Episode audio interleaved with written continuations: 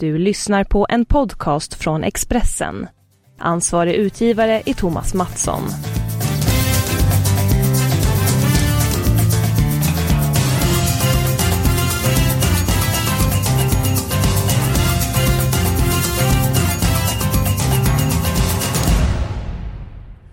Gott nytt år på er! Julen är över. Vi är inne i ett nytt år. Bara spelar matcher varannan dag i England. I Sverige så äter man och dricker mycket under den här perioden. Det har bland annat jag gjort, men jag har även sett en del filmer med familjen. Magnus, har du sett någon speciell fi film den här perioden? Ja, jag eh, tycker också om att se film och jag var eh, med mina två döttrar och så på en film som heter Monkey här under, under eh, mellan jul och nyår. Ja, hur många getingar får den filmen? 1 till 5? Nej, jag tycker att i den kategorin, barnfilm, komedi, så får den en fyra. På tal om film. Det finns ju väldigt många idrottsfilmer. Det finns en hel del om boxning, ishockey, framförallt om fotboll. Är det någon film som ligger dig speciellt varmt om hjärtat som handlar om fotboll? Jag tycker väldigt mycket om uh, The Damned United. Som ju handlar om Brian Cloughs 44 dagar i Leeds. Du får berätta lite om den filmen, varför du gillar den så mycket. Ja, den eh, porträtterar ju Brian Clough som är en av mm. mina idoler egentligen. Eh, som ju kom till Leeds efter Don Revy. Som hade haft stora framgångar med Leeds. Men eh, det blev inte så lyckosamt för Brian Clough i Leeds. Eh, han fick liksom inte eh, till det han ville göra och kom liksom inte riktigt överens med, med spelartruppen. Och, eh, men därefter så vet vi att han hade stora framgångar framförallt med Nottingham Forest som ju han en provinsklubb som ju han gjorde till Europas bästa klubb. Ja. Vad var det han gjorde för att lyckas så bra i Nottingham? Och du berättade nu 44 dagar i Leeds, fick inte ihop gruppen och så vidare. Men vad drog han för lärdom då för att lyckas i en annan klubb som han var i? Ja, han var väldigt skicklig på att rekrytera rätt spelare och rätt människor in i, i gruppen. Det satte han väldigt eh, bra i Nottingham. Sen spelade han också en fotboll som var lite eh, obrittisk på den tiden. Han spelade mycket passningsspel längs marken. På den tiden i 70-talet i England så var det långa bollar och, och kamp och krig och på dåliga planer som, som gällde. Men spelade en fotboll som var, som var annorlunda. Som var mer, skulle jag säga, mer kontinental. Och eh, hade en spelargrupp som, eh, som klarade detta och eh, lite grann också som vi pratat om tidigare att han, han var också skicklig i att bygga bakifrån. Han värvade på den tiden världens bästa målvakt Peter Shilton bland annat som blev en mm. stor succé. Ja. Eh, hur många gånger har du sett den filmen? Ja, jag har sett den ett par gånger. Det är ju en fantastisk personlighet, Brian Clough. Det var framförallt det som tror jag utmärkte honom eh, och gjorde han så speciell. Var hans eh, hans eh, personlighet, hans sätt att kommunicera både med spelare och med supportrar och media. Han var otroligt skicklig där. Och sen hade han en väldigt duktig medhjälp också som heter Peter Taylor. Som, Just det. Som var väldigt duktig. Han ska inte liksom förglömmas i sammanhanget. Nej, jag har också sett filmen. Jag gillar den. För fem getingar av mig. Brian Clough, han har även en son. Som är manager i ett lag i England. Vet du vilket? Det vet jag. Det är ju Burton som ju numera faktiskt uh, tillhör The Championship. Ja, det stämmer. Vi kan gå in på mina garderingar uh, den här veckan. För jag har tre stycken garderingar precis som vanligt. Nu är det dags för kuppspel och det är alltid skrällbetonat i FA-cupen. Match nummer 5. Bolton. Ditt Bolton som har tänt till. Eh, vunnit ett par raka segrar. Tagit livsviktiga trepengar i The Championship. Möter Huddersfield. Utgångstipset är givet. Går till Huddersfield. Men vi vill gardera med kryss. Ett eh, formstarkt Bolton. Bra självförtroende. Hemmaplan. Huddersfield kommer förmodligen ställa över spelare. Så att kryss för den matchen. Och jag tar med kryss i match nummer 4. Helst skulle jag vilja helgardera Blackburn mot Hull. Hull haft det jobbigt, mycket skador och så vidare. Och nu Magnus, match nummer tre. Birmingham mot Burton Albion. 1-2 den uh, matchen. Vad tycker du om de här garderingarna? Jo men jag tycker det låter väl rätt vettigt om vi ska eh, koppla an till det sista du sa, Birmingham Burton, så är det ju två lag som ligger alldeles i botten av the Championship. Två lag som faktiskt, mm. men två lag som vann sin förra match så kanske är lite på, på uppåtgående. Eh, jag tycker just Burton, vi pratade om, om eh, Nigel Clough innan.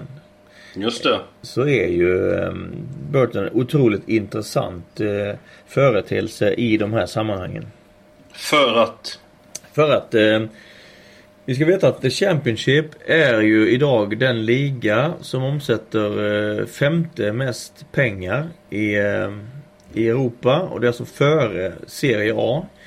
Och är det Premier League, eh, franska ligan, spanska ligan? Bundesliga. Det är ju de ligorna som är före. Och sen, mm. ja. kom, sen kommer alltså The Championship som är alltså då före Serie A, före holländska ligan, belgiska ligan och så vidare. Eh, och vad som är så speciellt med Burton är att det är en, en liten klubb. En arena, Pirelli Stadium, som tar alltså in 7000 åskådare. Man, eh, man har i senaste segermatchen mot Sheffield Wednesday borta så ställde Nigel Clough 11 engelsmän i laget från start. Och det är ju helt unikt i dessa sammanhang. Då normalt så har man mellan eh, fem och åtta olika nationaliteter i, i lagen i The Championship. Ja det är eh, väldigt intressant. Det ska gå tillbaka en eh, 30 år i tiden det bara var engelsmän i Premier League. Jag kommer ihåg Osvaldo Adila som spelade i Tottenham eh, från Argentina då.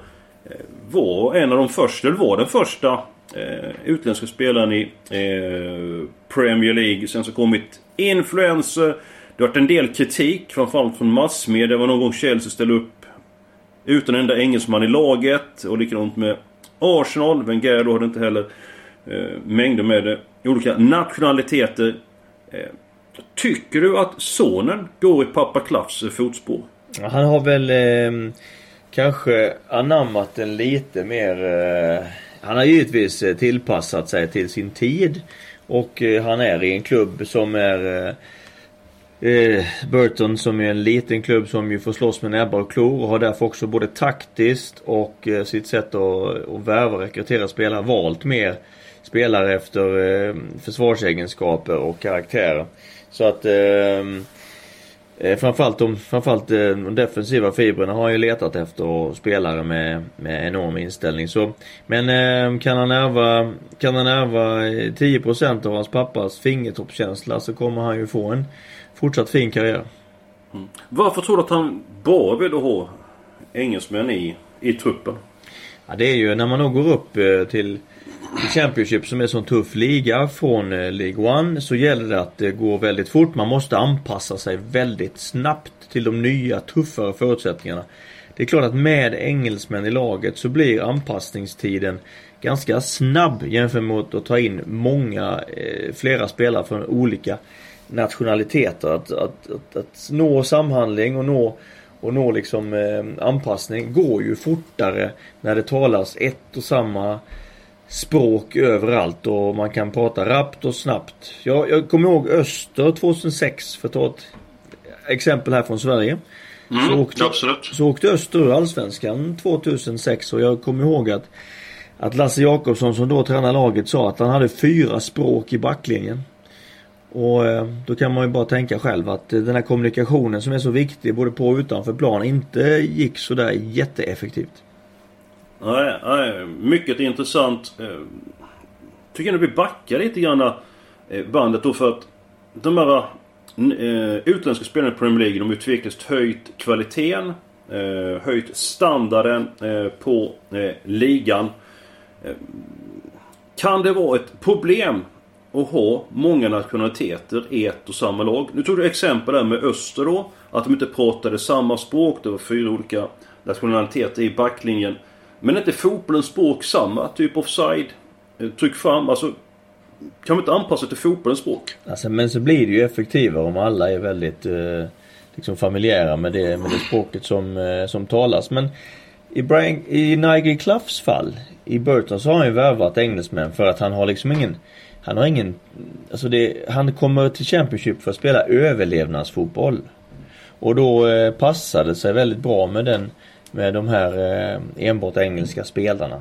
Som snabbt kan tillpassa sättet. Ser vi på många andra lag i både toppen och Championship och, och även i, i Premier League så, så, eh, så, så, har man ju ambitioner kanske att föra matcher. Man har ambitioner att liksom på sikt klättra och man har kanske också lite mer lite mer som förening, lite mer tid att ge de här spelarna. Och då är det ju eh, alldeles utmärkt att ta de här eh, högkvalitativa, högkompetenta, skickliga spelarna utifrån och ta in och jobba med. Ja, intressant. 1-2 ehm, i match 3. Birmingham, Burton. Köper du tipset? Ja, det gör jag. Två lag som ju som givetvis eh, vill väldigt gärna gå vidare i FA-cupen. Det är ju så, FA-cupen är ju ingen cup som, som man ger bort. Ligacupen är ju, är ju en rotationscup medan FA-cupen är ju generellt sett en cup som man mycket prestigefylld och som man inte ger bort. Det tolererar inte, inte supportrarna.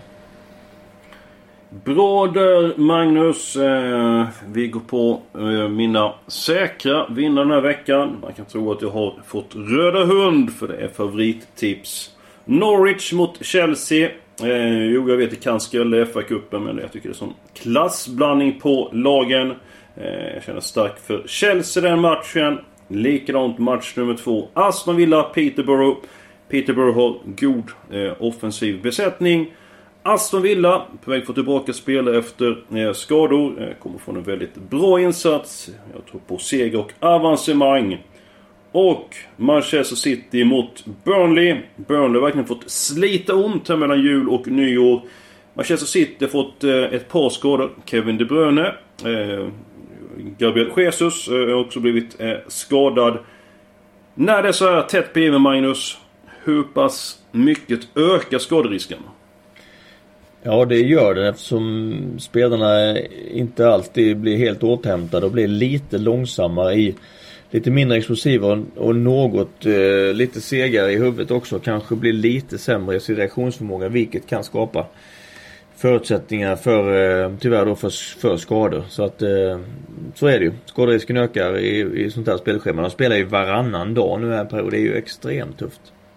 Ja, vansinnigt. Eh, så bland annat Swansea Tottenham. Den planen var väldigt eh, regntung, jobbig, krävande eh, att spela på. Eh, jag tror det kommer bli en hel del slitna spelare framöver i både Tottenham och eh, eh, Swansea. Tror du att England någonsin kommer ändra på spelschema, spelschemat under jul och nyår? Ja, det är en väldig tradition på det. Men tyvärr så kör man ju lite grann sönder sin produkt i den perioden. Man, man skulle gett spelarna bättre återhämtning. Man, så, man har ju så många fantastiska spelare som då kunde spelat varje match och, och alla matcher hade ju blivit ännu bättre och man hade gett dem lite mer luft eh, emellan. Eh, det är klart det är, ett, det är ett tufft spelschema. Det är 38 matcher i ligan. Det är 44 i The Championship. Det är FA-cup, det är ligacup, det är Europacup. Det är tufft att få ihop spelschemat men man eh, tycker ändå att man bör satsa på att glesa ut över den här perioden därför att det blir för, det blir för tufft om man kör sönder några av sina stora profiler som sen inte kan vara med under våren vilket är så synd och dumt. Ja, jag håller med dig. Däremot tror jag inte man kommer att ändra på det utan de är ju väldigt eh, konservativa i England på gott och ont. Om vi går till svensk fotboll Magnus. Så det dröjer en stund innan eh, Superettan och Allsvenskan kommer igång. Men januariturnén är igång. Eh, till helgen så möter Sverige Estland. Hur pass viktig är eh, januariturnén för svensk fotboll och för Talang att eh, få chansen att etablera sig? Ja, jag tycker den är viktig. Det har blivit mycket diskussioner.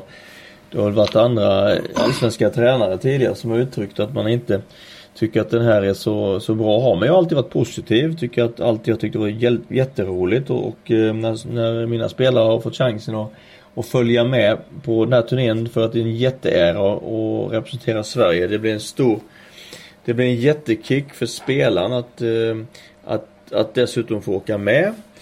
Och sen då ska man inte eh, Man ska liksom inte underskatta den effekten av att när en spelare har varit med i landslag så har man fått lära känna landslagets rutiner, hur dagarna ser ut, hur man tränar, fått en inblick både teoretiskt och praktiskt, hur man spelar i landslaget. Vilket gör att om man sen kvalificerar sig för en, för en kvaltrupp eller för en VM-trupp så är man ju eh, så är ju anpassningstiden då blir ju den mycket kortare och det är alltid bra.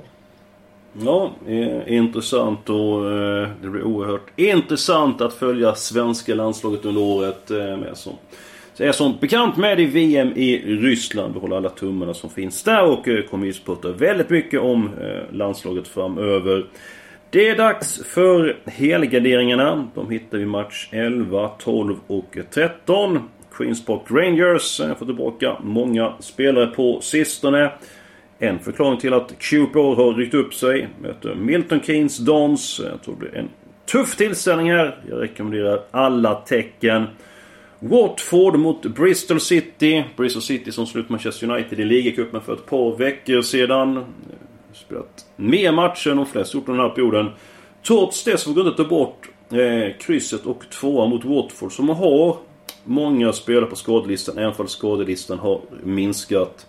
Wolverhampton mot eh, Swansea. Eh, helgardering där. Wolverhampton eh, spelar högst troligtvis i Premier League kommande säsong. Swansea kämpar i botten. Föll mot Tottenham i veckan. Jag tycker att de här tre avslutande på kupongen är vidöppna. Magnus, din syn? Jag håller med om de två första, men jag, är... Men i den avslutande matchen så tror jag att eh, Wolverhampton slår Swansea. Jag tycker Swansea nu fick de en lite uppsving när de slog Watford eh, borta med två efter tränarbytet. Men jag tycker de såg mycket bleka ut igår på hemmaplan mot Tottenham. Och jag tror att eh, även om inget lag ger bort FA-cupen så, så, ehm, så är det ändå ligan som blir det stora prioritet att försöka hänga kvar. Jag har ingen känsla för att, att Swansea kan eh, ta sig vidare från den här matchen. Jag tror Wolverhampton vinner.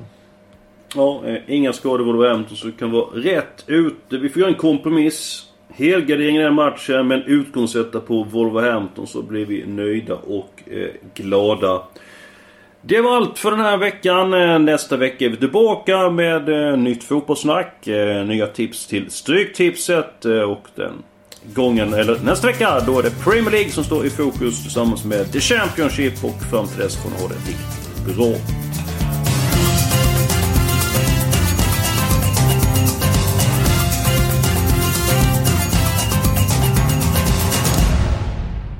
Du har lyssnat på en podcast från Expressen. Ansvarig utgivare är Thomas Mattsson. Ett poddtips från Podplay. I fallen jag aldrig glömmer djupdyker Hasse Aro i arbetet bakom några av Sveriges mest uppseendeväckande brottsutredningar. Går vi in med hemlig telefonavlyssning och, och då upplever vi att vi får en total förändring av hans beteende. Vad är det som händer nu? Vem är det som läcker? Och så säger han att jag är kriminell, jag har varit kriminell i hela mitt liv men att mörda ett barn, där går min gräns. Nya säsongen av Fallen jag aldrig glömmer på Podplay.